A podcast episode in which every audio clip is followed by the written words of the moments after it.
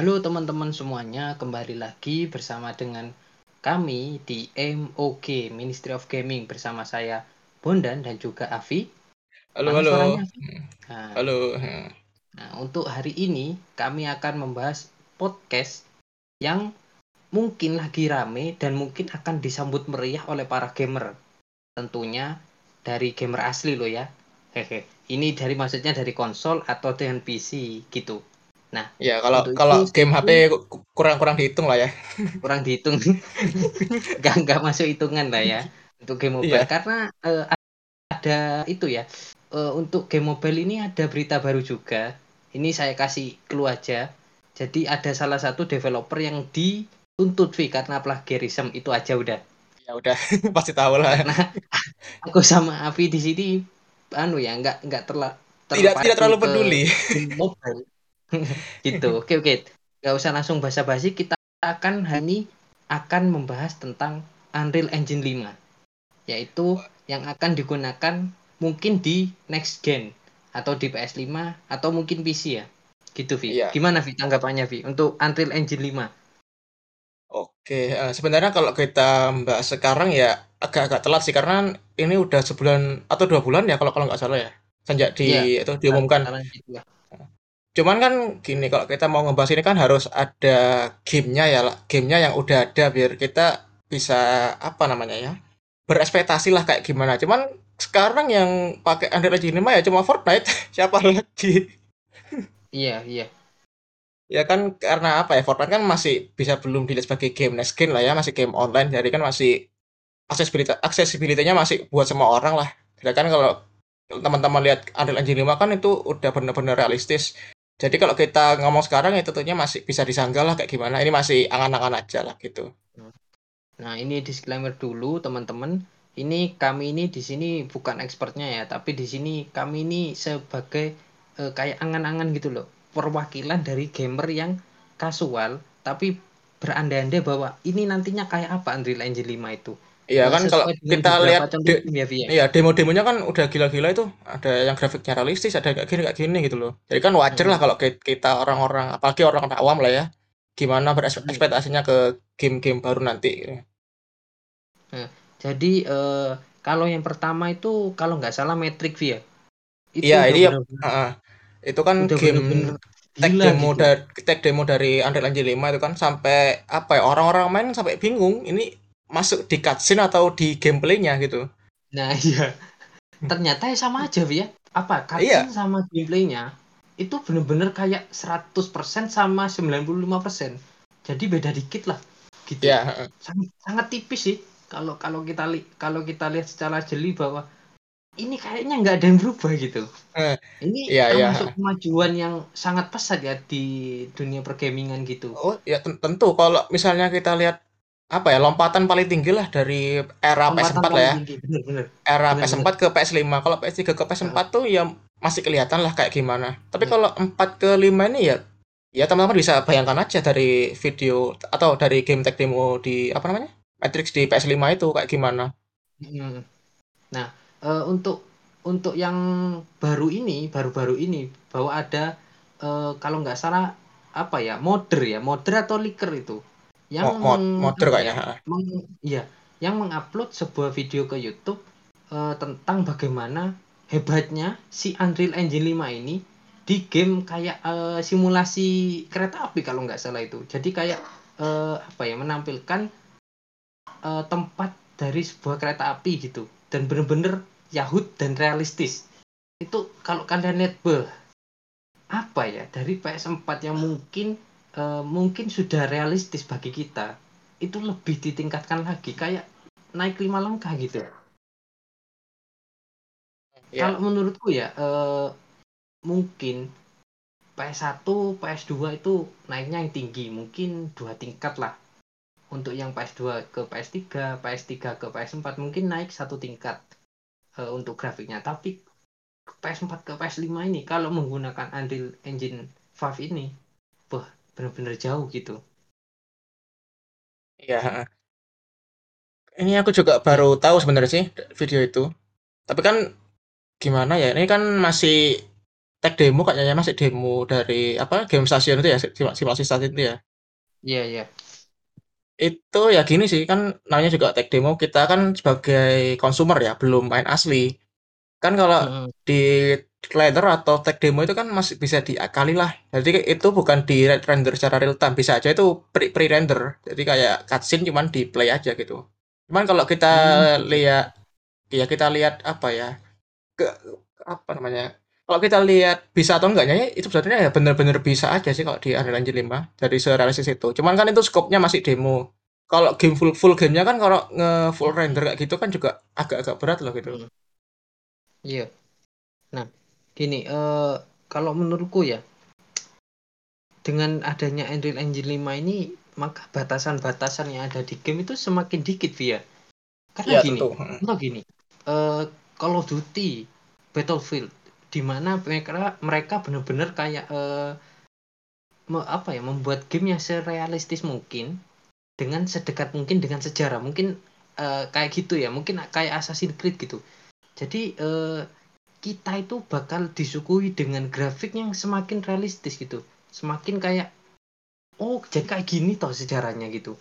Dulunya kan memang kayak main ini oh mungkin gambarannya nggak nggak seperti ini gitu loh nggak nggak serealistis ini. Tapi kalau kita sudah dikasih gambar yang realistis dengan story yang benar-benar lekat dengan sejarahnya itu ini akan membawa kita kayak eh, video mungkin ya kayak film gitu loh. Iya. Nah ini kalau menurutmu Vi, apakah nanti game ini dengan Unreal Engine 5 ini apakah bisa menyanyi oh, menyaingi film gitu Vi? Kalau menurutmu aja. kalau misalnya apa ya kalau misalnya game dengan style yang apa namanya yang realistis itu menurutku ya bisa-bisa aja sih itu apa ya, kembali ke developernya lah kayak gimana cuman kalau di fiturnya Unreal eh, Engine 5 sendiri itu udah di benar-benar didukung banget sih Jadi kan kalau misalnya di era game PS3, PS4 tuh yang paling susah itu ngatur apa namanya ya? Ngatur keseimbangan buat mapnya. Jadi mapnya tuh kok teksturnya tuh kadang high res, kadang low res. Nah, kalau di Unreal Engine 5 ini ada sebuah tech apa fitur baru atau teknologi baru yang ngatur buat nge apa ya? Buat nge nempelin teksturnya itu secara realistis, secara fotorealistik. Jadi meskipun Hmm. kita main game di render real time itu enggak itu enggak itu enggak berpengaruh ke ke frame rate. Jadi meskipun ada musuh berat, ada ini ada fisik yang begitu banyak. Jadi mapnya itu masih masih tetap sama, jadi masih stabil. Satu, yang satu kayak, seperti itu. Jadi kalau misalnya ada game yang benar-benar realistis, ya itu akan tetap stabil. Jadi foto grafiknya itu benar-benar foto realistik nanti. Kemudian yang Hmm. kedua ya itu dari segi lighting. Di sini di Engine 5 itu kalau aku baca ada fitur lumin, lumina. Jadi oh lumen, lumen. Kan lumen sendiri kan artinya cahaya. Jadi di sini kalau teman-teman familiar lah sama RTX atau ray tracing. Jadi di sini bisa Hmm. benar-benar realistis. Jadi bisa lebih enteng di developernya, kita juga bisa lebih enteng maininnya. Juga benar-benar realistis. Jadi kan yang salah satu yang menjadi hal apa ya teks tekstur sama model karakter tuh yang bikin hidupnya dari segi lighting. Di sini Hmm. developer Iya, tuh iya. bisa lebih leluasa lah kalau mau apa ya contohnya ya itu tadi lightning dari siang dan malam tuh bener-bener seperti real time jadi nggak nggak nggak usah di nggak menjadi hal berat lagi buat developer kayak gitu Hmm. Oke. Ya kalau menurutku sih sama, hampir sama ya kayak gitu. Kalau Avi menjelaskan dengan teknisnya ya. Kalau aku sih lebih ke apa ya?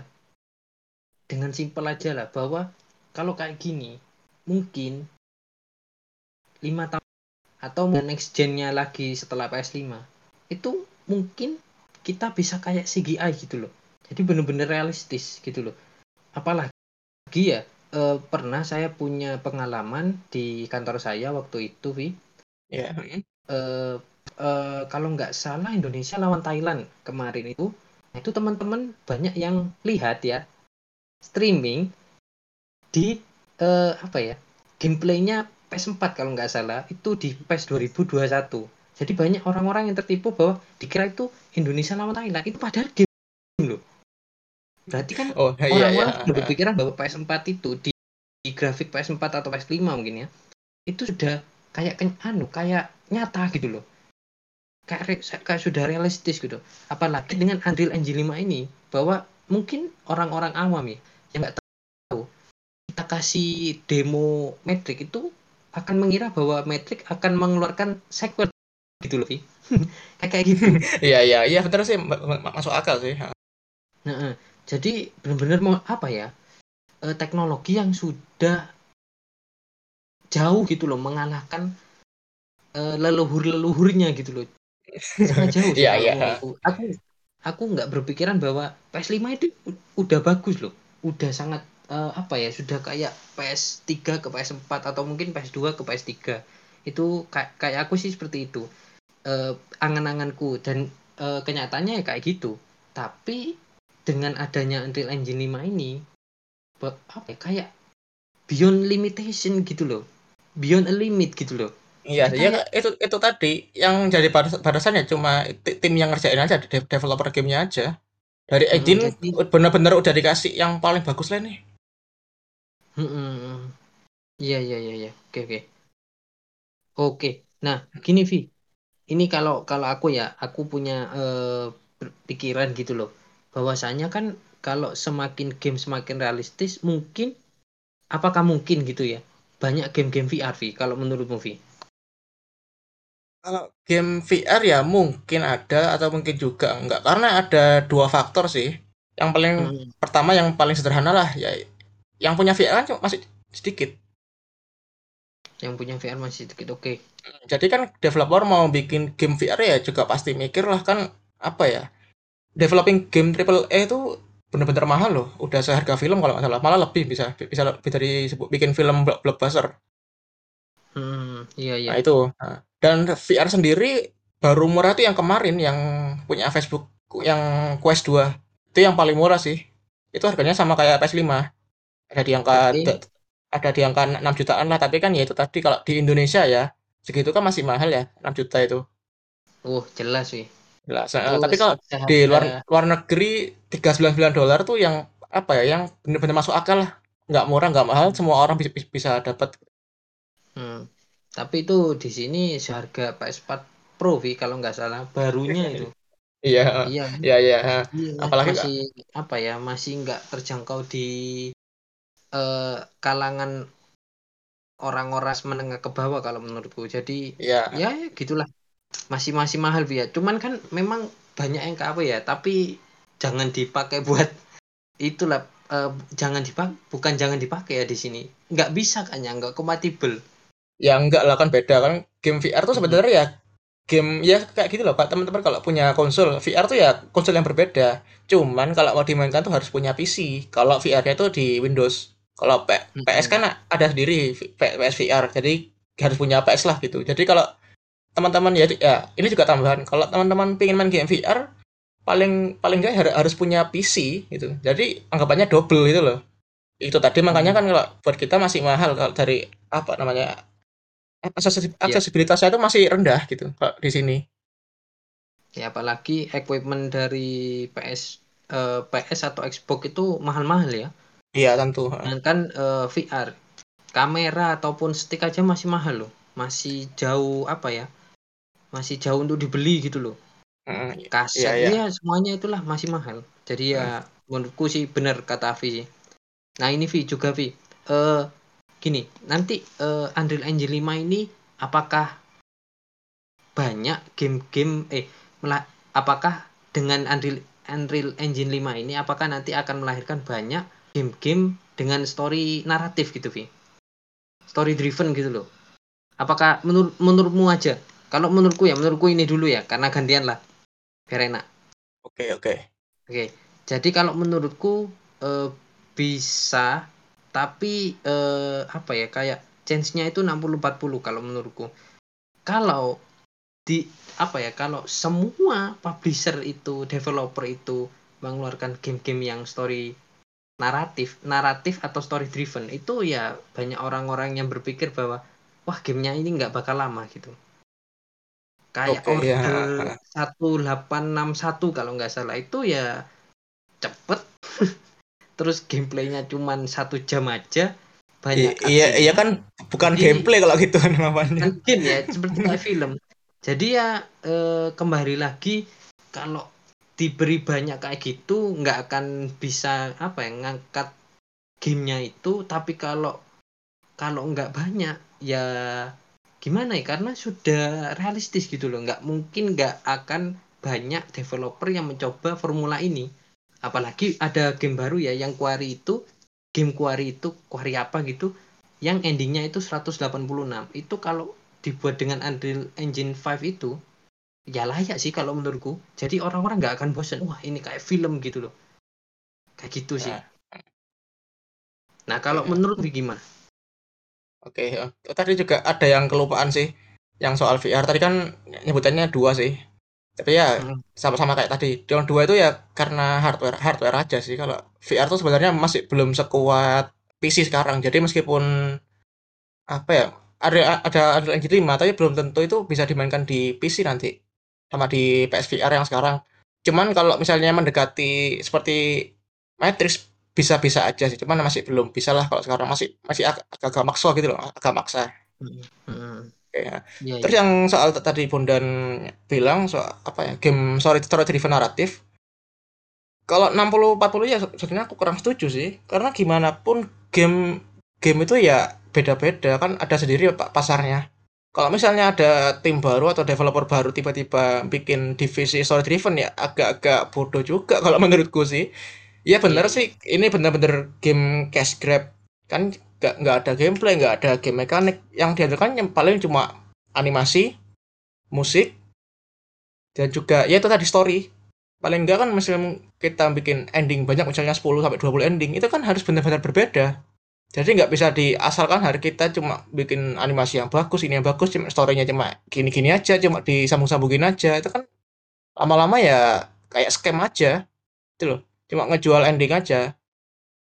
Jadi kalau menurutku ya story driven tetap benar ada dan yang pasti ya benar-benar improve lagi dari segi grafik ya itu tadi. Jadi kalau kalian misalnya PS5-nya kalian main PS5 gitu, tapi PS5 itu agak disembunyiin di lemari, jadi nggak nggak kelihatan teman kalian. Itu kan kalau ada teman kalian yang awam pasti ngeliat ngira kalian tuh lihat-lihat film bukan main game gitu loh. Hmm. Tapi ngomong aja ke temannya itu proyektor gitu ya. Nah iya, Orang-orang percaya oh ini lihat film ini gitu. nah ya Gitu. itu. Ah. Hmm. Nah, kalau ya, dari ya, dari segi fisik ya mungkin ya ah, kurang aku kurang tahu sih. Tapi ka- kalau kataku ya tadi game story driven itu kan game sederhana sebenarnya. Jadi nggak makan fisik, nggak makan animasi yang benar-benar berat. Jadi kan nggak nggak kemakan sama battle mechanic ini dan itu. Jadi kan bisa lebih fokus ke sana. Cuman kalau dari animasi sama eh, mimik karakternya, nah, itu terutama mim- mimik karakter itu kan hal yang berat buat game. Paling yang paling bagus itu sih yang paling improve dari mimik karakter. Hmm, oke oke. Nah, eh, untuk eh, yang lain kita bahas yang lain. Kalau sudah Oke, ini. ah. Kalau eh, kayak gini sih menurutku dengan adanya Unreal Engine 5 ini eh, kita nggak akan dibohongi lagi, Vi. Kalau menurutku. Jadi eh, ini ya kebiasaan salah satu developer yaitu Oke, Ubisoft. Kita belak-belakan aja ya. Ubisoft ini banyak meng- banyak mengeluarkan game-game yang fantastik di eh, apa ya trailernya tapi gamenya itu jadi kayak bener-bener dikurangi lah kayak apa ya kayak nggak nggak niat ngerender gamenya gitu loh jadi kayak bener-bener banyak yang dibuang mulai dari eh, apa ya pencahayaannya teksturnya di- diturunin atau mungkin eh, keramaiannya di gamenya itu dikurangin gitu Iya, jadi bener-bener kayak apa ya lebih dari separuh gitu loh yang yang Hmm. diambil dari trailernya itu iya. iya. Kalau pakai ini kan masuk jadi ke gamenya. Jadi- nggak bisa alasan gitu loh kan? Iya, ya bener Nah, sih. jadi Hmm. Heeh, jadi banyak developer yang nggak bisa alasan bahwa teknologinya sudah mampu loh. Kenapa kalian uh, masih aja nge-PP nge-PHP-in gamer gitu loh? Nah, jadi kan Apa- yang nggak mampu malah malah developernya kalau gitu kan. Heeh. Heeh, makanya dulunya kan Watch Dogs itu termasuk mahal loh. 890. Nah, itu kalau udah beli terus gamenya kayak gitu, ya kalau di Steam bisa refund. Nah, kalau yang di PS kan nggak bisa. Oh, iya. Karena bener-bener apa ya ya merusak citranya Ubisoft sendiri sih kalau menurutku tapi kan eh, awal-awal itu Ubisoft ya nggak mau tahu terusin Iya, aja formula gitu. Ah. tapi Kayaknya ya itu itu tadi men- sebenarnya kan ah, Ubisoft. Ubisoft kan mending jujur aja gitu loh kan daripada kayak gini. Hmm. Kan sebenarnya kan ya bener kan kalau misalnya di render berat ya bener. Cuman kan mereka apa ya, kita ngasih kita trailer kalau itu game bisa rame gitu kan. Hmm. Gitu. Heeh. jadi ini salah satu apa ya keuntungan dari Unreal Engine 5 itu sendiri sih kalau menurutku. Jadi eh, banyak developer yang nggak akan bisa ngeles lagi eh, setelah mengapa ya, mengeluarkan ke event-event yang gede. Gitu sih. Kalau menurutku ini salah satu kelebihannya. Nah, kalau kekurangannya Vi, ini menurutku Vi ya. Size-nya Iya. itu Vi. Pasti ini size-nya kan gede Vi. Jadi Iya, pasti. eh, game yang menggunakan Unreal Engine 5 kalau kita eh, taruh di hard disk yang satu terakhir itu mungkin cuma 9 Vi. Agak sih 7 sih 6 atau 7 5 bisa. gitu. heeh. Heeh. Jadi nggak apa ya dengan nggak ada Unreal Engine 5 game seperti RDR atau mungkin Gran Turismo atau mungkin apa Vi kalau ada masukan di sini itu kan 100 Kalau giga lebih iya, heeh. jadi apalagi dengan Unreal Engine 5 gitu gimana tanggapanmu Vi yang untuk size ya pasti sih kalau dari segi apa ya tadi- ya? Dari segi itu tadi apa tekstur sendiri? Kan pakai tekstur yang benar-benar realistik. 4K mungkin enggak enggak 4K saya 8K 8K kan PS5 juga 8K. dukung 8K 8K soal sekarang. Pasti kalau itu yang paling lebih pasti bikin berat ya itu tadi dari animasi sama fisik apalagi kan kalau game ya itu tadi kan COD kemudian ada game simulasi kan fisiknya pa- pasti banyak itu jadi nggak mungkin kalau Hmm. game bukan nggak mungkin sih kayaknya hal murah lah kalau misalnya game tuh sampai 150 giga kemudian kalau ada update fix atau update yang lain update konten tuh bisa sampai 20 giga per konten Hmm. ya jadi hal yang biasa kalau kalau kalau, kalau kataku Nah, itu yang aku eh, heran heran itu ya, bahwa biasanya kan ledakan termasuk yang berat kan, Vi? Di animasi kan gitu kan. Biasanya ledakan iya. itu kalau kalau simple biasanya nggak berat sih, tapi kalau benar-benar kayak semakin menuju ke realistis semakin berat kan biasanya. Akan mengedropkan FPS kan. Nah, itu Iya, di En- tentu. Engine 5 itu yang tabrakan dengan mobil dengan mobilnya itu, wah, itu benar-benar apa ya?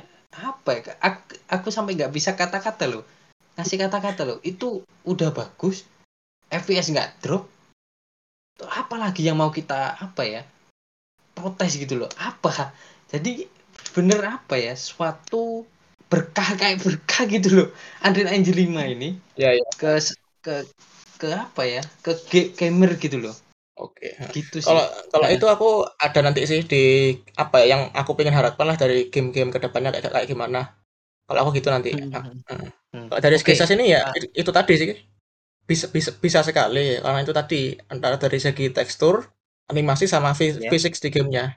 Jadi kalau teman-teman download game 200 giga ya jangan kaget juga, jangan protes juga. Ya udah Nah, normal itu. aja. Kalau kalau protes sih Nah. ya protes ya ke ke itunya, ke yang punya punya internet.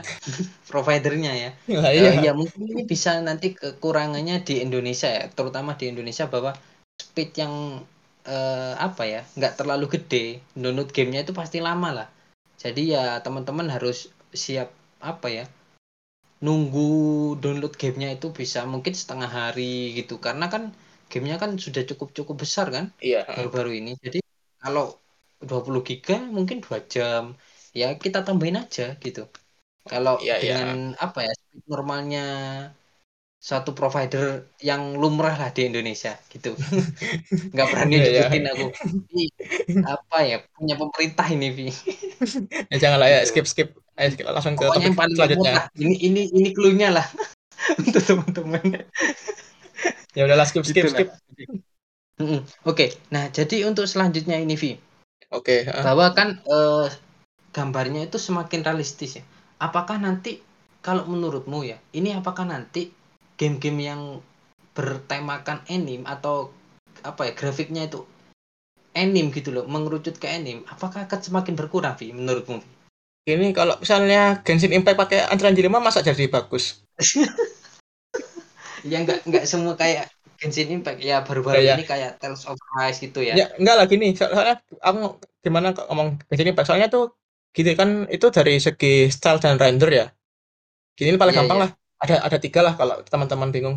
Pertama kan render secara fo- foto, foto realistis, realistis kalau ya banyak lah Iya. kayak CO, COD, kemudian Hellblade, ada Sun Wukong yang habis ini di di Unreal Engine 5 kemudian kedua itu namanya cel shading itu ya kayak game-game sekarang game-game anime ya kayak tadi Genshin Impact Hmm. game anime-anime kayak One, One Piece, Part Warrior, kemudian ada game Naruto, Boruto Fighting itu itu sebenarnya pakai teknik namanya cel shading. Cuman yang paling bagus itu, itu tadi Genshin Impact karena ya mereka gabungin cel shading sama apa ya? la- apa dari Lightning itu yang, yang paling bagus kalau, kalau menurutku. Yang ketiga ini yang paling umum game sprite, game 8 bit itu. Jadi kalau nah aku aku terusin ya. Nah, Ya, kalau ya, dari lanjut, segi, segi apa ya? Dari segi grafik, game anime ya akan terjadi game anime nggak mungkin bisa lebih baik lagi karena stylenya ya udah kayak gitu. Ini bukan ke Unreal Engine 5-nya sih ya. Gimana cara developer ngangkalin grafiknya itu bisa improve dengan apa ya? Hmm. Dengan Unreal Engine 5 ini kayak, kayak gimana? Improve tapi nggak nggak buat orang-orang protes. Kayak gini dah kalau misalnya Bondan suka game anime itu tiba-tiba grafiknya itu berbeda meskipun lebih realistis. Kira-kira seneng nggak? Ya enggak ya, karena kita kan memang eh, nyari game anime gitu ya, ya, ya benar Nah, iya. juga ya. Jadi ya nggak mungkin, cuman kayak gimana ya dari segi lighting tuh jadi bisa lebih improve ya. Gimana ya kan ini sendiri kan terbatas di 2D sebenarnya sih kalau di 3D kan sebenarnya agak-agak maksa ya. Cuman Hmm. kayak gimana aja teman-teman bisa ngelihat oh, bukan teman-teman sih. Developer ini gimana bisa ngembangin game ending tadi dengan teknik cel shading dengan 3D tapi yang lu bisa di bisa dimasuk akal lah untuk view kita sebagai pemain tuh ini game anime loh, game kartun, tapi kalau di 3D kayak kira-kira kayak, kayak gini lah gitu loh. Dan Hmm. sejauh ini aku Iya. paling suka ya di dua game aja. Genshin Genshin Genshin Impact sama Persona 5 itu aja kalau dari dari cel shading. Iya iya iya. Itu tadi omongannya Vi yang eh, anime sama kartun itu bisa loh ya. Itu ada tanda slash-nya. Ini takut dikira sama teman-teman digabung ini takutnya ada banyak teman-teman yang otaku nggak terima gitu. Bercanda ya teman-teman ya, bercanda ya teman-teman. Biar biar Iya, iya, anu. iya. Oke. Iya ya bener kata Avi tadi itu bahwa eh, kalau game kalau ini menurutku ya, kalau game anime itu lebih diari- direalistiskan itu nggak akan banyak apa ya teman-teman yang suka game anime itu nggak banyak akan beli game itu.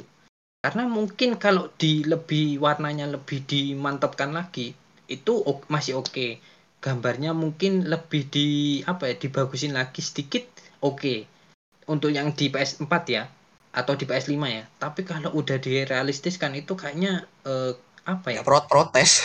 iya protes gitu. Gitu ya karena pasarnya beda. Iya sih kalau bener Mm. sih kalau Avi ini aku setuju ini sama Avi jadi untuk game anime ini nggak bisa lah eh, kita realistiskan. Nah mungkin eh, lebih di apa ya dibaguskan I- aja sih. iya dibaguskan lagi kira-kira gimana ini layak sebagai game apa ya game next gen. Cuman ya tetap anime gitu aja. Kalau menurutku yang paling butuh Unreal Engine 5 ini ya kalau menurutku ya game FPS lah Vi. Kalau menurutku ya ini dari Ah, apa ya, ah. dari semua segi sisi itu dia direalistiskan ini memang apa ya waktunya FPS unjuk gigi ya. Karena eh, kalau kita lihat belakangan ini game-game FPS itu mu- mulai apa ya mulai sedikit Mulai- ada yang mulai goyah lah gitu kan. Mulai-mulai apa ya hilang gitu loh dari peredaran game-game yang baru ini. Untuk yang lain ya banyak sih Eh, apa ya. Inilah kalau Bondan kalau apa ya kalau saranku kayaknya mending nggak usah Hmm. main game-game dari apa ya orang-orang besar atau publisher besar lah. Coba main ke yang selain gitu. Kayak gini dah sekarang. Game FPS tapi yang benar-benar bagus tapi ini masih belum jadi lah ya. Itu Stalker yang baru. Itu game open world cuman FPS kalau menurutku itu sih yang layak buat dimainkan sekarang. Karena apa ya Iya. kan game FPS sekarang kan kalau soal grafik ya udah bener bagus lah kayak COD kemudian Battlefield. Cuman tahu sendiri teman-teman gimana apa, apa- game dua game baru di- dari sana nggak ada yang bagus kan sebenarnya itu. Kalau dari segi grafik ya udahlah itu paling bagus gitu loh tapi kalau Hmm, dari story sama game mekaniknya kan ya itu kurang kurang semua. Kurang apalagi bugnya storynya gitu. Mm-mm. nggak ada yang memuaskan apa ya memuaskan teman-teman sekalian ini. Jadi udah beli terus ternyata kayak gini. Semua itu ya kebanyakan. Jadi kan kebanyakan FPS itu dipakai ke online. Tapi game online nggak ada yang game game yang berat gitu loh. Game yang berat game online tuh pasti akan ditinggalkan. Karena apa? Terbatas untuk penggunanya gitu loh terbatas untuk eh, teman-teman yang akan mainkan apalagi yang punya PC kentang terus pengen main gitu kan nggak bisa Makanya kan Iya, ya, banyak pastilah itu. game-game FPS yang iya, jadi banyak game-game FPS yang uh, grafiknya itu masih apa ya? Mungkin masih di 2016-an gitu via. Iya. Tapi ya mungkin dipoles sedikit gitu loh. Jadi kan uh, apa ya? Kayak kayak sia-sia aja kalau ngeluarin game cuma grafiknya bagus tapi masih apa ya masih kurang di sana sini. Bugnya ada iya. storynya kayak gitu gameplaynya itu. Gini loh kok teman-teman teman-teman bayangin lah kalau orang awam lah kalau soal grafik ya bener lah aku paling paling setuju lah sama Bunda sama teman-teman. Grafik bagus itu yang apa ya solid lah gitu. Tapi gini loh teman bayangin kalau kan teman-teman pesan apa ya nah, nasi goreng. Nasi gorengnya tuh dari restoran kan dari segi penampilan kan bener-bener bagus teman-teman bikin ke foto kalau makan nggak tega tapi kalau dimakan itu rasanya nggak nggak enak ya gimana ya hilang gitu aja rasanya. Tadi iya, kayak iya. misalnya grafik bagus tuh kayak nggak ada apa-apanya karena kan cuma cuma bisa dilihat. Iya benar-benar benar hmm. nah ini jadi kekurangannya di Unreal Engine 5 ya. Uh, untuk developer nanti kalau mereka menggunakan Unreal Engine 5 ini yang apa ya yang didahulukan pasti grafiknya kan yang lain yeah. itu tolong diurus lah gitu lah. Jangan yeah. kalau memajukan grafiknya aja yang lainnya itu nggak nggak nggak dimajuin gitu loh. Jadi ini jadi apa ya? Kalau kelebihan dan kekurangan juga ya. oke okay lah kalau kejadian ini satu kali oke okay lah. Tapi kan biasanya ada yang nyoba ini terus yang lainnya nyoba. Terus waduh ini akan apa ya? Menghancurkan komunitasnya. Nggak nggak ngancurin komunitas aja ya? Apa ya? Udah kayak dunianya gitu. Kalau cuman memperhatikan grafik aja dengan adanya Unreal Engine 5 ini. Iya nggak akan menutupi semua kekurangannya gitu karena gamer di uh, semakin ke sini gamer itu semakin apa ya jeli gitu loh kalau menurutku. Iya iya. Setuju, hmm. kalau ini benar, benar setuju sih aku. Jadi kak gamer sekarang udah pintar-pintar jadi kalau dari grafik bagus ya mereka skeptis belum tentu gameplaynya juga bagus gitu loh. Hmm. itu kita ambil contoh nggak usah jauh-jauh Elden Ring lah. Eh, Elden Ring itu sebenarnya kalau kalau dilihat ya ini aku bukan hater itu sebenarnya game PS4 awal sih kalau aku dari, dari segi grafik kalau aku bilang. Oke. Okay. Tapi kan dari segi gameplay kan ya benar-benar nomor satu lah itu. Dari kok dari core gameplaynya ya aku bilang. Hmm. Kalau kalau menurutku via uh, itu tengah-tengah PS4 sih kalau menurutku. Nggak yang baru ini, nggak yang awal-awal sih itu kalau kalau aku ya sebagai penikmat apa ya gamenya aja bukan penikmat gameplaynya ya karena gameplaynya hmm. susah nggak cocok buatku ya. Itu kita muter-muter aja itu seneng sih kalau menurutku. Nemu event yang wanita tiga nari-nari kita bertemu dengan apa ya, pohon beringin yang besar itu loh Vi. Yang yeah. bercahaya itu pohon beringin ya, ya. Oh ini apa ya langsung kaget oh ini bagus ini. Itu aja udah bikin seneng sih kalau menurutku. Kayak aku main Zelda itu lebih banyak ke eksplornya daripada untuk nyelesain misinya gitu. Jadi benar-benar menikmati semua elemen yang ada di Zelda-nya gitu. Jadi kita, okay. kita sampai lupa bahwa ada misi itu di game. Ini padahal yang utama loh core dari sebuah game itu kita nyelesain misinya supaya gamenya tamat gitu loh. Malah kita sering bermain-main uh, di apa ya di side mission ya, yang kurang-kurang penting itu loh. itu udah dari zaman GTA San Andreas ya kalau menurutku sih. Jadi iya. banyak orang-orang yang main GTA San Andreas itu ya cuman lihat kotanya, mukulin penduduknya gitu kan, nyari Iya, ya, mm, karena itu tadi dari dunianya ya benar-benar hidup gitu loh. Meskipun hmm. teman-teman main grafiknya itu biasa aja, tapi kalau kotanya hidup atau apa ya dari mapnya itu hidup kan juga ikut senang kayak teman-teman yang ada di di real life gitu loh.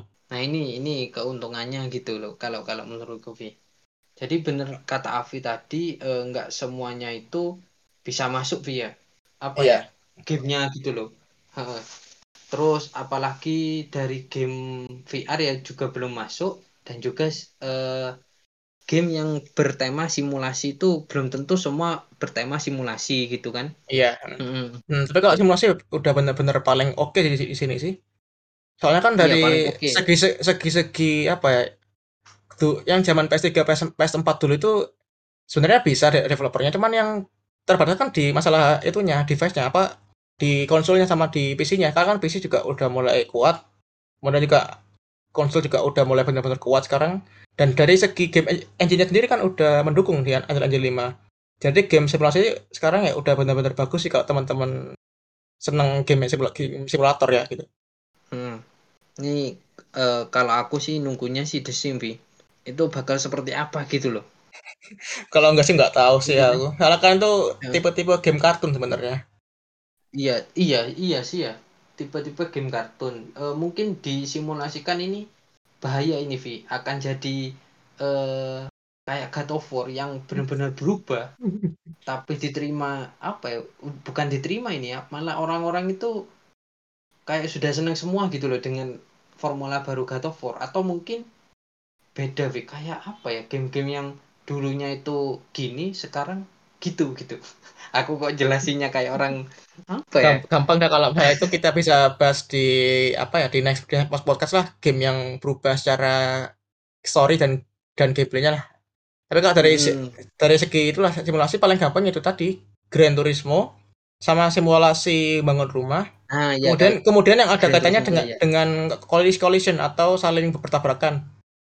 Kan oh, okay, di PS, okay. PS4 itu kan yang bikin drop FPS juga bikin ya semuanya lah bikin drop semuanya kalau itu. Kalau sekarang kan apa ya ledakan kemudian fisik itu tadi udah benar-benar enteng hmm. lah kalau di sini tuh. Jadi kalau hmm. ada fisik soal ya kalau misalnya ada game mancing mungkin dari segi airnya airnya itu sendiri bisa lebih bagus gitu iya game mancing ini ya iya. banyak yang hilang gitu. Tapi itu mas... paling sama itu tadi dari segi collision atau pertabrakan itu yang paling benar-benar nyata sih. Paling gampang dibuat lah sama developer. Oke jadi mungkin e, nantinya kita banyak menemukan apa ya game-game yang tabrakannya sudah luwes gitu loh. Nggak akan yeah. ngedropkan FPS gitu loh. Mungkin uh, semoga aja kayak gitu.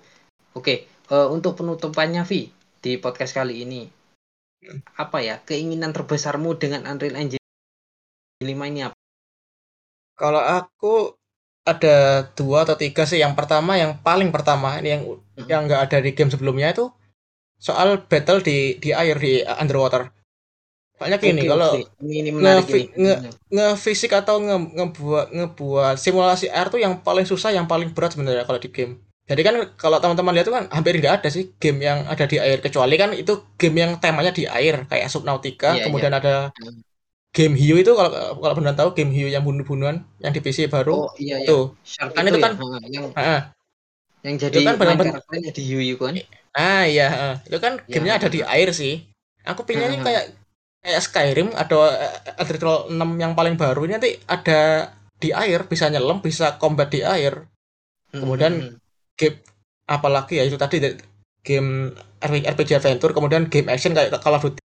Kalau Call of Duty itu misalnya ada misi di danau itu aku pengennya ya bisa lihat tembak-tembakan di danau pelurunya anti air tuh kayak gimana dari sound dari segi grafik itu kayak gimana. Ya itu hmm. tadi aku bener-bener pengen ada game ya itu tadi benar-benar game yang ada di air jadi benar-benar ada stakes sendiri yang ada di air.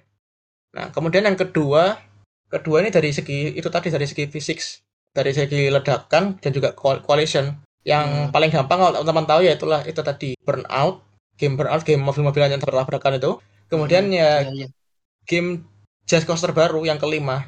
Pastilah Just Cause Just Cause 4 tuh paling susah sebenarnya buat apa ya buat stabil di FPS karena kan dia ya, paling main di ledakan ledakan uh, ledakan partikel sama tabrakan tuh yang paling susah. Nah di lima ini aku pinginnya itu berjalan lancar kemudian ya itu kan dari segi grafik kalau dari story kan CSGO tuh ya game-game jelek sih kalau menurutku kalau dari segi story kok cuman kalau dari segi fisik dan yang lainnya ya benar-benar paling bagus lah kalau misalnya dianggap sebagai simulasi atau main-main itu hmm. kalau aku itu dua itu sih pertamanya itu itu tadi dari segi water water physics kemudian hmm. dari segi apa tadi itu tadi ah coalition sama fisik itu itu sih aku hmm. oke okay. Ini itu dari Avi ya teman-teman. Kalau dari aku sendiri sih kayaknya dua sih kalau menurutku. Yang pertama itu ya dimohon dengan adanya graf apa grafik dengan evolusi yang sangat besar ini itu dimaksimalkan lah. Tapi jangan lupa core-nya yang lain itu apa ya disamaratakan juga gitu loh.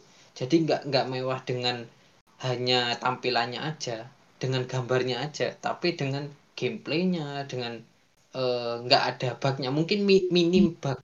Pasti ada bug tapi bug-bug yang lucu gitu loh yang kita butuhkan. Bukan bug yang meng apa ya menghalangi kita untuk progres gitu loh. Kayak gitu sih.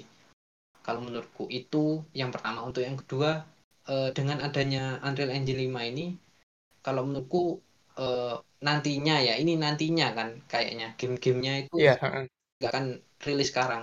Nah itu tolong eh, untuk eh, developernya itu lebih apa ya lebih teliti lagi untuk membangun gamenya. Terutama game-game FPS dengan Oke, apa ya kayak, kayak kayak mau mati gitu loh. Ini padahal game yang eh, apa ya game pertamaku gitu loh. Termasuk salah satu genre yang mengenalkanku pada dunia pergamingan gitu loh. Dunia game gitu loh. Oke, ya. kan Counter Strike gitu loh.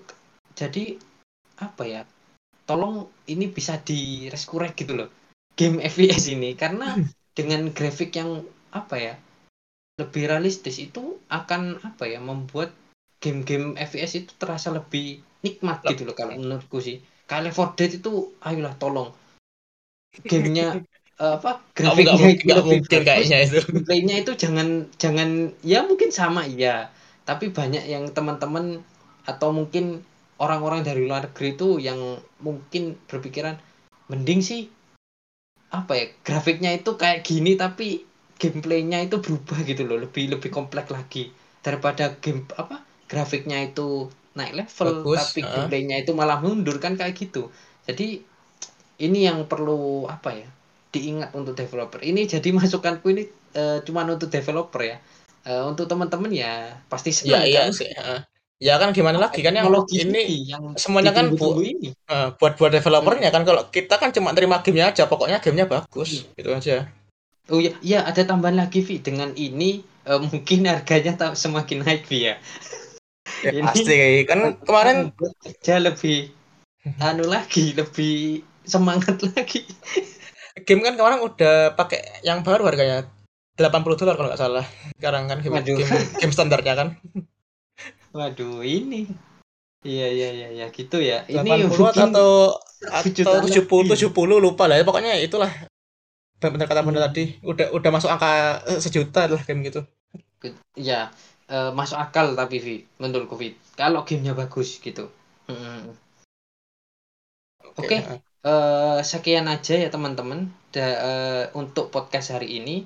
Untuk podcast Oh iya, mungkin untuk tambahan kalau teman-teman tadi kan kita bahas VR kalau teman-teman mengharapkan game VR tuh kayak SA SAO itu masih belum mungkin lah ya gitu itu terlalu realistis itu masih jauh ya kan mungkin. kalau SAO itu kan bukan cuma game sih itu kompleks lah kalau SAO itu Mm, Hmm. Mungkin Cuman 100 kalau misalnya teman-teman pingin main game kayak SAO di VR ya ada-ada aja sih. Teman kalau teman-teman pingin kayak bener-bener kayak SAO ya nggak ada. Gitu aja sih tambahannya. Iya, Apalagi gitu ya. game game mobile kayak game mobile kayaknya nggak ada sih yang kayak bener-bener realistis itu nggak ada sih. Makanya kan kita Vi. itu tadi. Ya ya gitu ya ya. sih. Eh, Ya udah gitu aja.